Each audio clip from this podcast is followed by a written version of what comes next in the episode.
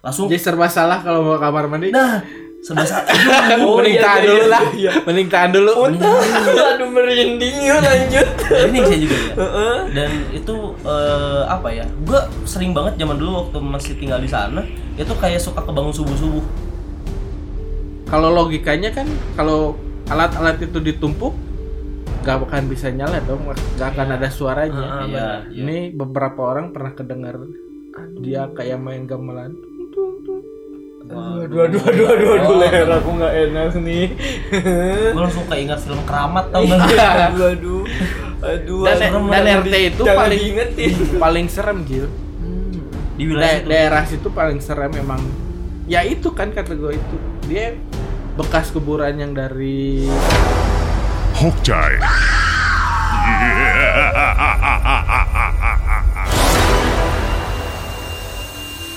Selamat datang dan selamat mendengarkan kembali Hokcai Podcast Yang pastinya kita bakal menceritakan cerita yang real dan tidak dibuat-buat. Dan masih bersama saya Korzil dan juga Mul atau Napiaan.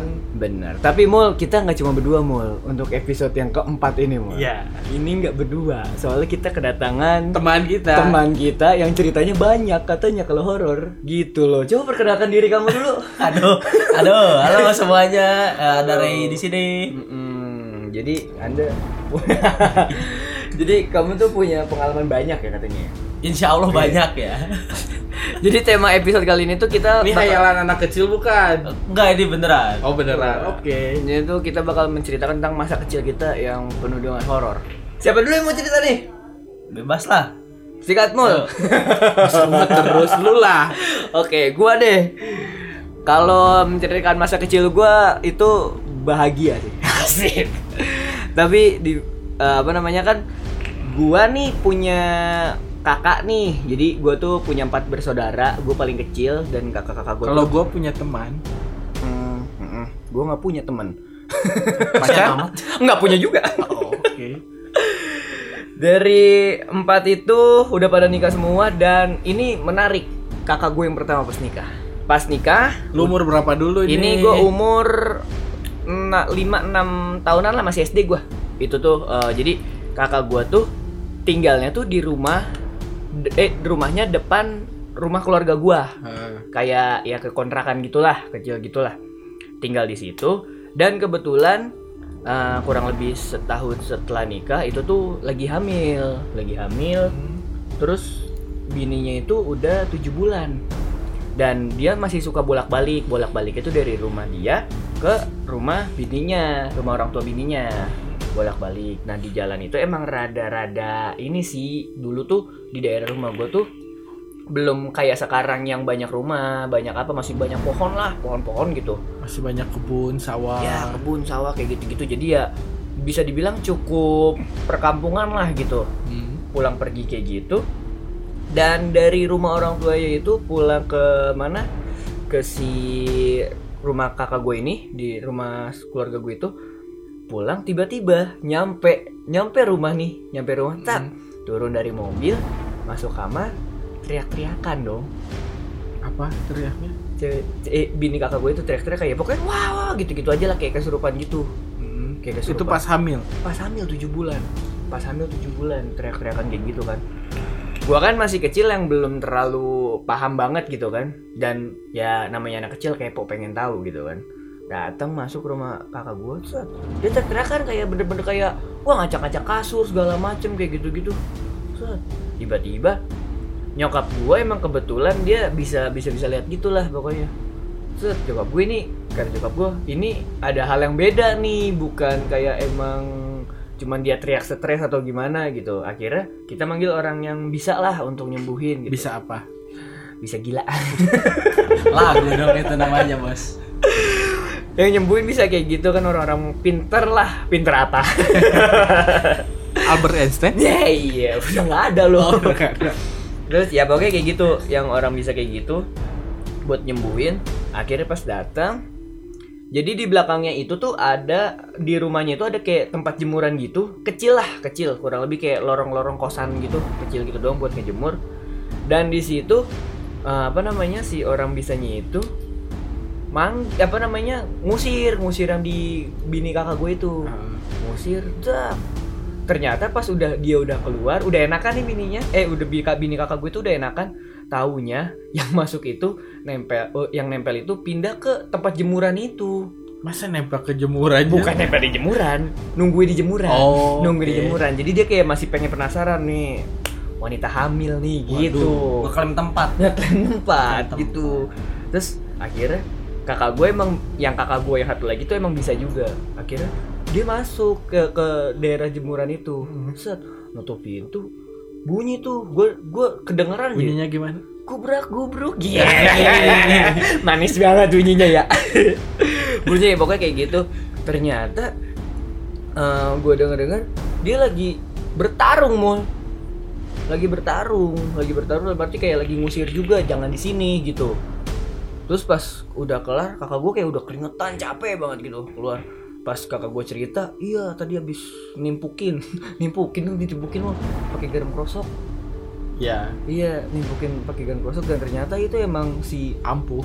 cantik Clara itu menempel, menempel dan akhirnya eh, ke bini kakak gue itu dan ya udah langsung kayak gitu. Dan akhirnya dia jadi kayak sakit-sakitan, sakit-sakitan. Semenjak Semenjak kemasukan. itu, heeh, semenjak itu sakit-sakitan akhirnya di rumah sakit. Ya alhamdulillahnya masih selamat gitu, masih selamat ya. Jadi pas tujuh bulan itu akhirnya anaknya mau nggak mau sesar prematur. Tapi alhamdulillah sekarang sih sehat walafiat gitu. Cuman dari situ tuh itu dari wah gila itu pengalaman gue dari situ. Kok rumah gua lumayan juga gitu loh. Terus gue pernah lagi kalau di rumah gua, rumah gue sih paling parah sih Gor. Gor lagi Ray. paling parah paling parah tuh maksudnya emang di situ banyak banyak yang nempatin karena posisinya rumah gua sampingnya kuburan keluarga. Keluarga tetangga gua tapi bukan keluarga gua Ya. tetangga gua. Nah dulu tuh gua lagi tidur di kamar kakak gua di lantai dua tidur di situ. Ngobrol nih sama saudara-saudara gua lagi main PS segala macem. Mungkin berisik kali ya mungkin berisik itu jam satu jam 2an lah. Mungkin berisik gitu itu gua umur eh, sembilan 9 10 tahunan lah kurang lebih umur segitu terus main PS jam 1 jam 2an tiba-tiba ada bau. Bau kloset. Enggak ini beneran serius. Ini serius Gak kayak episode pertama. Ini gak ini gak kayak episode bisa, pertama. bisa, bisa, bisa, Ini bisa. beneran Ini bener mohon maaf ini mah. Benar ini bau pisan. Terus ntar hilang baunya ganti-gantian Misalnya bau kloset. Terus bau Apa sih Mawar gitu-gitu ya. Oke Baunya ganti-gantian kayak gitu. Set Saudara aduh gue merinding lagi. Saudara gue nggak ada yang ngerasa Tiba-tiba gue ngerasa nih Karena mungkin gue udah dijejelin-jejelin kayak gitu-gituan Jadi gue ngerasa Akhirnya gue turun. Turun ada kakak guanya di bawah. Gue bilang kok kamar lu bau sih? Gue bilang gitu kan. Ah bau apaan? Gue nggak pernah mana-mana aja kata dia gitu kan ya. Nggak tahu bau. Oh ya udah suruh pada turun aja dulu gitu kan. Akhirnya saking gue nggak berani naik ke atasnya gue sms saudara gue itu zaman sms sms Bro Bro. Hidayah. iya bener banget apa nggak ini sih slang Waduh. Ya kalau SMS per kata misalnya. Aduh. ya gitu terus gue sms lu turun dulu semuanya ke bawah itu gue ada empat lima orang lah saudara gue turun akhir ke bawah emang kenapa sih kata dia gitu kan ya lagi seru juga main PS diem dulu lu nggak pada nyium dari dari bau iya sih bau cuman ya udah biarin aja gitu saudara gue ya kan gue kan deg-degan juga kan gue naik set nggak ada bau apa apa dong Lu ribut makannya. Iya, terus udah kita naik lagi. Bener nggak ada bawa apa-apa.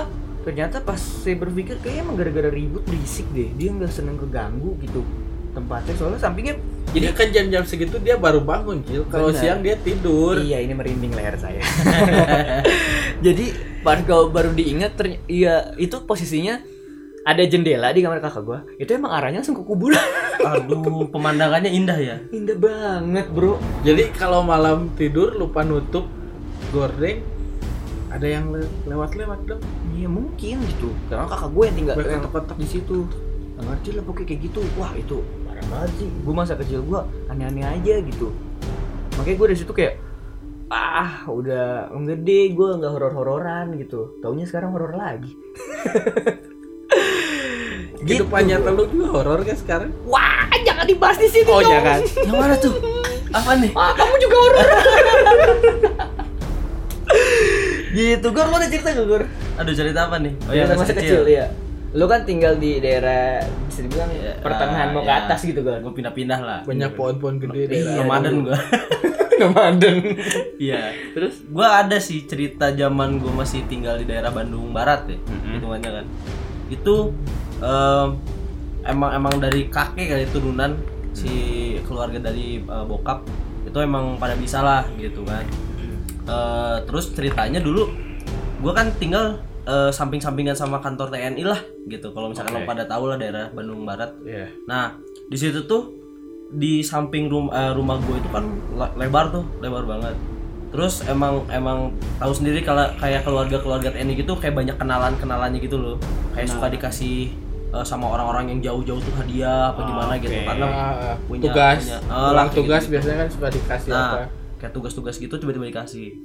Ceritanya kayak banyak di rumah rum- eh, di rumah gue itu yang dulu banyak barang-barang antik lah gitu dari beberapa daerah dipajang-pajang sampai kayak lukisan-lukisan segede ah jamban. itu sih itu sih gila-gilaan itu tapi tadi dulu lirikan matamu nggak enak eh sama rinding ya ini kayak iya oke kita tutup dulu kali ya aduh aduh. Ngeri juga ya dia. Iya. lanjut gur ya ditambah ada satu satu mm, apa ya satu satu lukisan eh, ukuran diameternya tuh kayak sampai dua kali 2 meter gitu.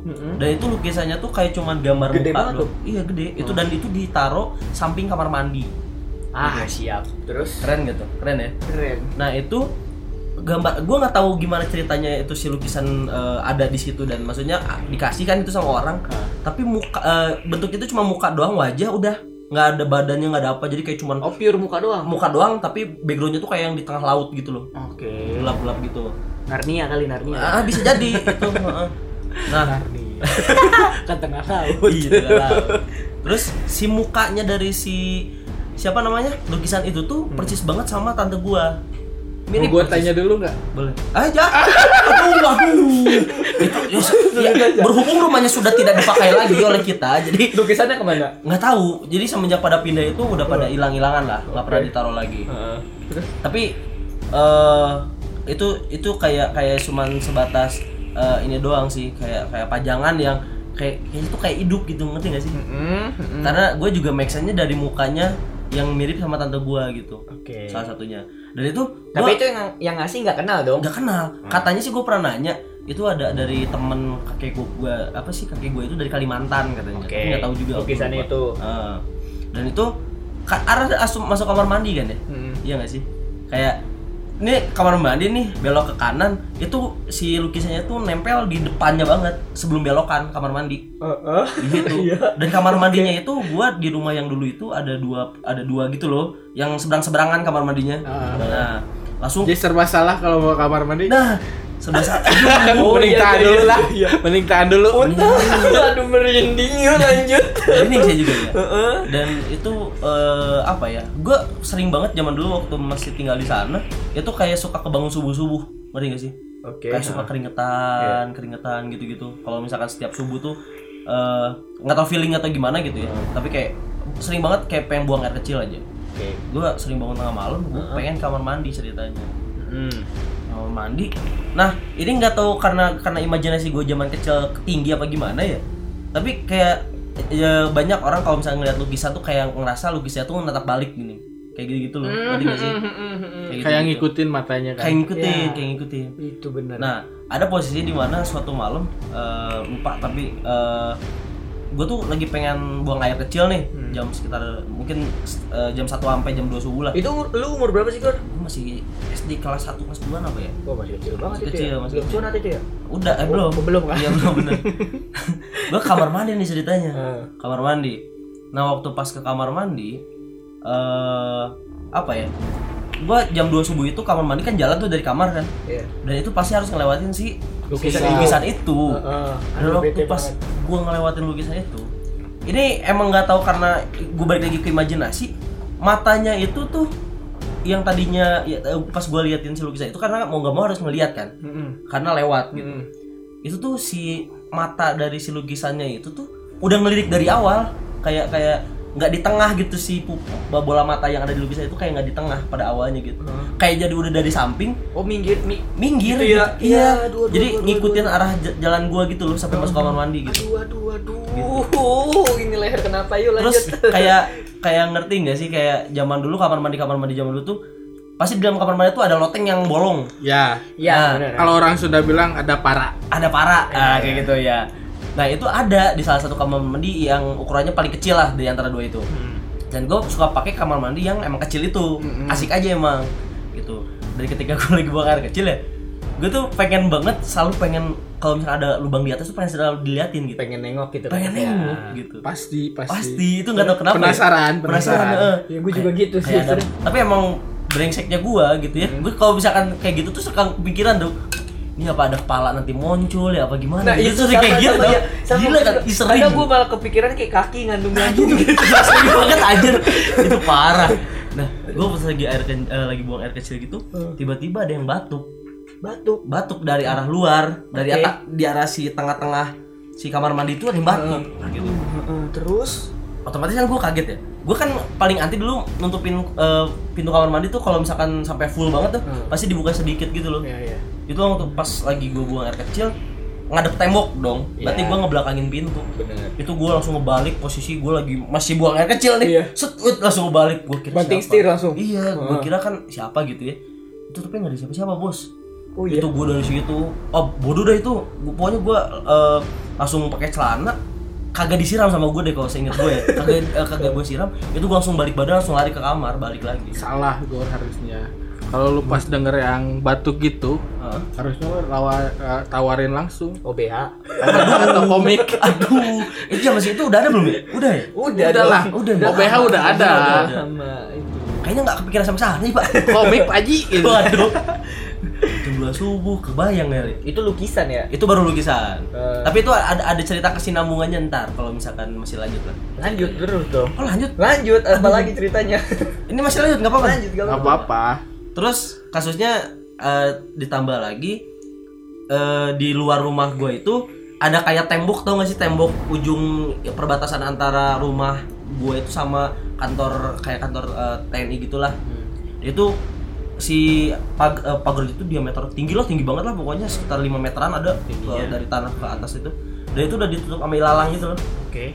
tau gak sih? Ah, Nah, ilalang- yang gitu. rumput-rumput ah gitu. yang suka ada bunga-bunga tulip tuh udah udah udah muncul-muncul di depan itu ada ada tanah apa sih kayak tanah eh, Kosong. bukit dikit Oh, gitu oh. dia itu ada pohon pisang tiga biji di situ Ya ilah. Pisang Pisang lagi. lah. Pisang tiga biji. Kalau udah pohon pisang saya tahu isinya apa itu ya. nah di baliknya itu itu solokan nah pohon pisangnya itu dulu dipakai buat eh, ngubur binatang peliharaan gue dulu Eh, apa sih orang utan Mm-mm. gitu di situ jadi orang hutan dulu. dulu ada juga lu ya. Nah, Terus Bawahnya itu kenapa pohon pisang itu ditanam di situ Eh, untuk tanda. nutupin tanda ya kalau misalkan ini bekas makam si belayan gua dulu zaman dulu gitu.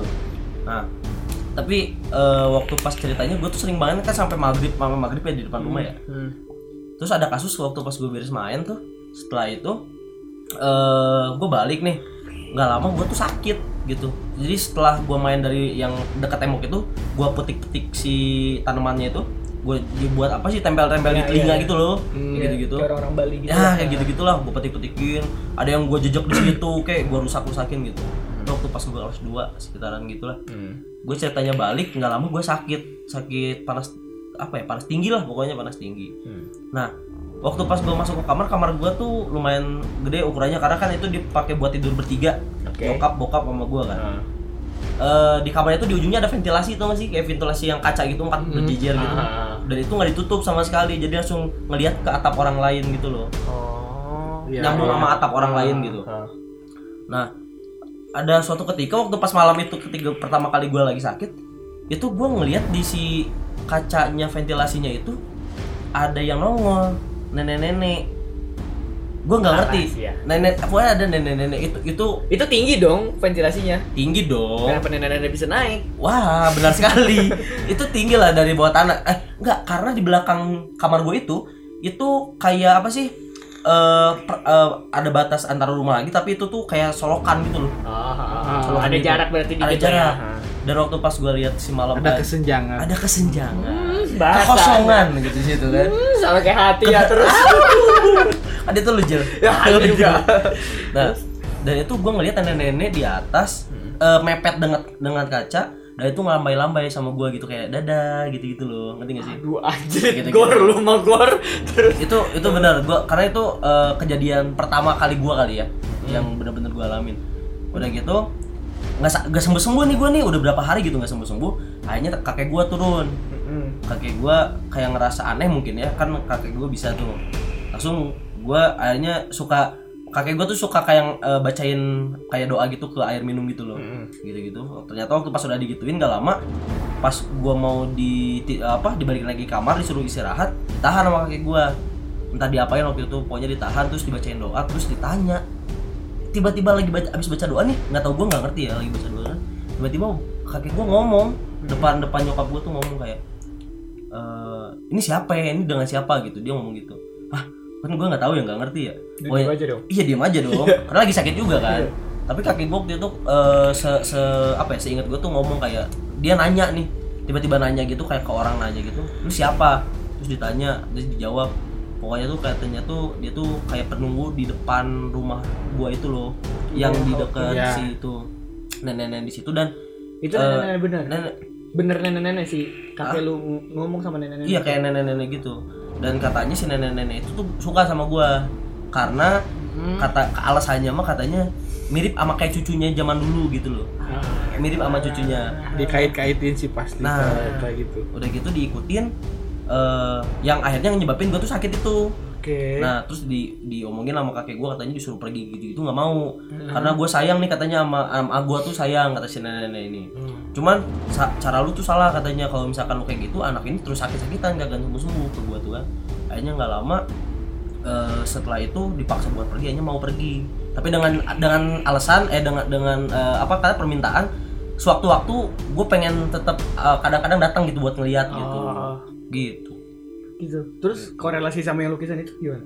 Nah, korelasinya adalah eh, nggak tahu juga sih. itu beda sih sebenarnya. Ya terus apalagi ceritanya? Ada ya Ada lah, tapi ganti-gantian lah. iya iya.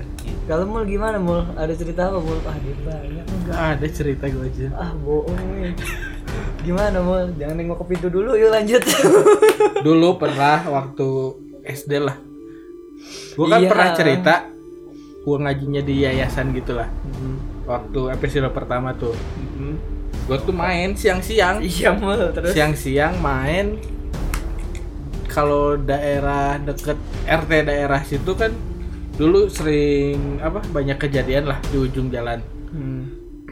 emang dulunya katanya kuburan Jepang dulunya. Di situ? Mm-mm. dari pindahan dari Unisba dulu Unisba itu kuburan Gil. Kuburan Jepang. full seunisba sama- itu? ya, Ah. daerah atas itu. Dipindahin lah ke daerah gua dikit. Oke. Ada yang dipindahin ke sebelah sini. Lagi eh, petak umpet. Ya. Siang-siang lagi petak umpet. Itu siang tuh posisinya Siang. tuh Ah. gue ngumpet di salah satu rumah yang udah nggak udah lama banget nggak keisi. Oke. Jadi rumahnya tuh eh, agak ke bawah ya jalan di atas. Jalannya di atas. Jalan gedenya. Gue sembunyi tuh sama temen gue ada berdua. Hmm. temen gue yang lagi nyari-nyari gue dia tiba-tiba balik lagi Jil. Gak ngeliat gue tapi lu ngelihat dia? Ada. Gue di situ jelas jelas gue nggak ngeliat gue dia tiba-tiba lari ke belakang. Ah. balik lagi ke yayasan sambil nangis. Waduh. terus dia ngeliatnya apa? Lihat apa? Mau tahu? Apa tuh? Tawa-tawa banget. Dia ngeliat orang. Terus? cuman kepala doang. Ke bawahnya tengkorak. Tengkor. Tengkorak. Ini mah ini. dan ternyata eh, pas abis nangis itu dia kan balik lagi ke yayasan namanya mahasiswa ITB yang berpikirnya positif terus guru ngaji kan ah itu mah cuman hayalan aja kali katanya Oh iya iya. ya namanya anak kecil kan. namanya anak kecil ah, itu cuman Imajinasi lah. imajinasi Oh. datanglah ada satu sesepuh orang situ Hmm. nanyain Kenapa? kenapa. Itu mau petak umpet eh, sebagian di tempat sana di Tapi itu rumah. udah udah udah keluar dari tempat itu apa belum? udah Oh, udah. udah gua- Oh itu udah lagi nggak main? udah masih main cuman gue lihat pas dia nangis lari nangis Oh, lu samperin. samperin takutnya kenapa-napa kan nginjak apa kek atau ke Ah, ini jatuh gitu. kan. jatuh pas si sesepuh ini datang dia emang ngejelasin Gimana tuh ngejelasinnya? Abis dari mana tadi? Dari rumah yang di sana? Iya. Terus ngelihat apa? Eh harusnya kalian jangan main ke sana. Kata si orang kata itu. si sesepuh itu tuh. Karena di situ tuh bukan buat tempat main anak-anak. Oke. dan di situ tuh emang udah rumah tua dan lama nggak pernah ditempatin. Jadi banyak yang kayak gitunya. Hmm. Dan dibenarkan sama si sesepuh ini. Tadi lihat apa? Ya. Yang tadi Lihat eh, eh, orang cuman ke bawahnya kepala tapi eh ke atasnya kepala badannya nggak utuh. Heeh. dan itu dibenarkan oleh sesepuh itu. Waduh. padahal itu di ngelihatnya dia dia dari kaca Jil. Kaca kaca rumahnya. Jadi posisinya gua ngumpet di tangga yang kebuat ke bawahnya Eh, tak belakang gua tuh kaca kaca rumah dia ada pintu buat masuk kayak gitu Oke. di situ dia ngelihatnya dari situ kita nggak pernah berani lagi main di situ Waduh. Terus kan rumah itu udah nggak ada kan? Masih ada. Masih Udah- masih ada cuma udah dibangun Oh, udah Nah. direnovasi gitu. dan di situ tuh emang tempat-tempat rumah-rumah jarang kelewatin orang lah Jalan sepi lah ya. makanya banyak kejadian di situ Jadian apa tuh? di situ kan ada kantor rw tuh Heeh.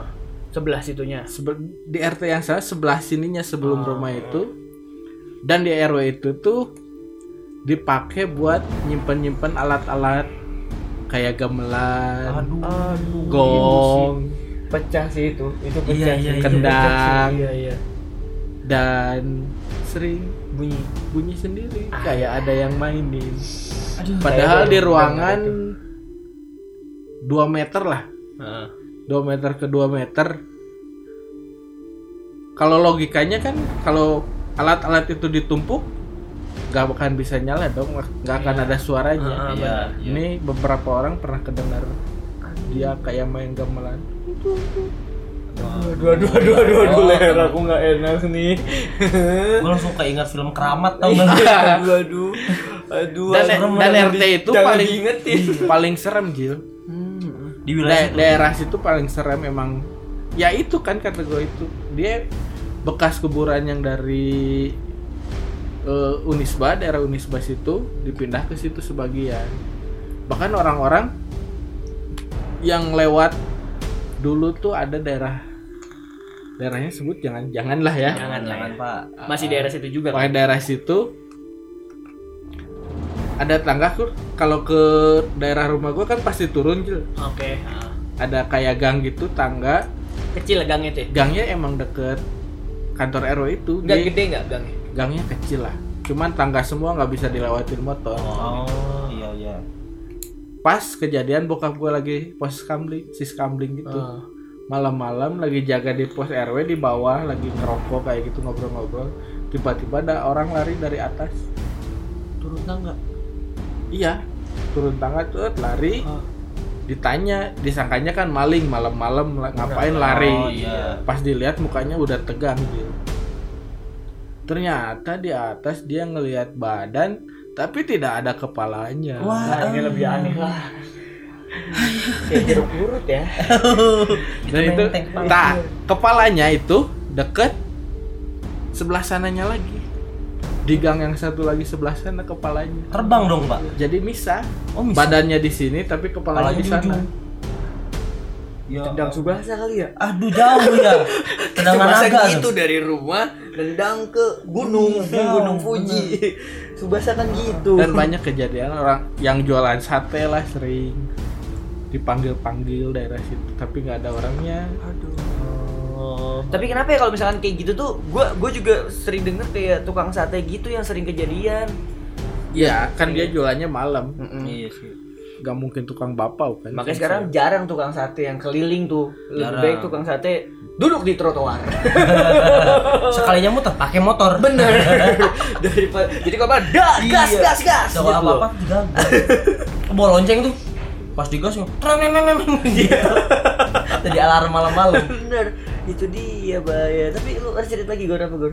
Aduh, gua gua ada zaman kecil gua ada dua cerita lagi tapi eksplisit sih, eh. Gimana gimana? Gue eh, ceritanya nggak begitu parah kali ya. Iya. Nggak apa-apa parah juga sih. Iya udah nanti itu mah nanti aja. Jadi eh, di rumah gua yang sekarang, gua kan sekarang pindah ke Bandung Timur lah, ke daerah kaki gunung. Iya. Nah, dulu eh bokap gue itu punya tetangga. Oke. Tetangganya itu sering ngerukiah orang Heeh. dan eh apa ya? eh, lu- bukan lucunya kali ya, anehnya kali. Ah. Anehnya tuh dia ngerukiah orang di rumahnya dan itu pakai sound. Hah? Kayak yang di Malaysia tuh, Ya semacam yang itu. kakek pestol-pestol anak-anak mainan gitu. Aduh, Eh, enggak, gue belum Banget baru tahu lo Rukia pakai sound gimana? pakai sound speaker, gitu. Iya gimana? Jadi dia tuh emang dimasukin jam pakai beat gitu. bukan maksudnya tuh dia pakai mic gitu loh, pakai sound kayak dia tuh punya musola nih. Hmm. Di musola tuh di rumahnya tuh dia ada sound dan itu dipakai buat rukiah. What? Gitu. Terus? Dan itu tuh jam jam kerja itu pasti malam kan. Heeh. Dia itu memang suka banyak warga-warga di situ atau apa sih namanya? eh tetangga-tetangga di situ yang sering komplain juga karena terganggu. Jam 1 kayak sampai jam 3 subuh itu dia kayak baca rukiah dan orang-orang teriak. Maksudnya yang lagi di rukiah gitu dia teriak itu jam-jam segitu gitu. Gitu nah dan itu pernah dibawa eh, karena karena dekat juga sama bokap gue dulu bokap gue juga nggak ya gue nggak tahu bisa atau enggak tapi menurut penuturan cerita dan apa yang gue pernah lihat mah ya kayak bisa kali ya menurut gua. Eh, pernah diajak untuk ngebersihin kayak rumah apa ya atasannya di kantornya itulah di daerah Jawa apa lupa gue daerah-daerah sana dan itu gue diajak pada saat itu Oke. ketika diajak itu ngebersihin rumah gede gitu yang kayak baru pertama pertama ditempatin gitu dan eh, ka- tahu gak sih kayak pengajian dari tengah malam ke subuh Iya, gitu loh yang heeh. pada zikir gitu-gitu Iya. dan lampu tuh pada dimatiin semua satu rumah dan kita ngelingker gitu kayak lagi apa sih ya kayak lagi acara keluarga gitu loh Hmm. bener-bener ngelingker di ruang tamu kayak gitu-gitu semua barang dikeluarin itu gua kena kasus pada saat malam itu jam subuh-subuh itu jam 2 ke jam 3 kalau nggak salah Oke. lagi pada kan gua nggak bisa ya waktu mas anak kecil mereka pada zikir tutup mata gitu posisi gelap semua gua kan nggak kuat ya namanya anak kecil ya Iya. pasti pengen melek gitu pengen main HP kayak apa gitu Iya. ya Pas melek, nah pas melek Heeh. jadi si ruang tamu itu letter letter eh, kayak peluru bentuknya peluru pistol gitu yang Ah, kumpul Segitiga gitu lah pokoknya. nggak segitiga sih bulat setengah lingkaran Oh, sekali lingkaran. nah kayak gitu ketika gua melek di pojok si ruang tamu itu ada orang lagi berdiri Heeh. ada orang lagi berdiri ben- eh, bentuknya kakek kakek Oke. kan merinding kan aduh Iya, terus. kakek kakek dan posisinya dia berdiri maku tau gak sih kayak yang kaku diem aja gitu Mm-mm. berdiri tegak dan kenapa gua bilang aneh eh, pertama dia ba- bajunya beda daripada yang lain beda dari orang-orang yang lagi eh, Pakai baju baca- apa emang? baju Jawa orang dulu. kayak semacam orang Pangsi. dulu iya kayak gitu-gitu lah Kayak ya pakai baju pangsi gitu. semacam kayak gitu kali Eh, Hitam. karena eh, eh, karena nggak begitu Pakai jelas juga ikat. Ka- aduh. Ada dong di sini. aduh bukan bukan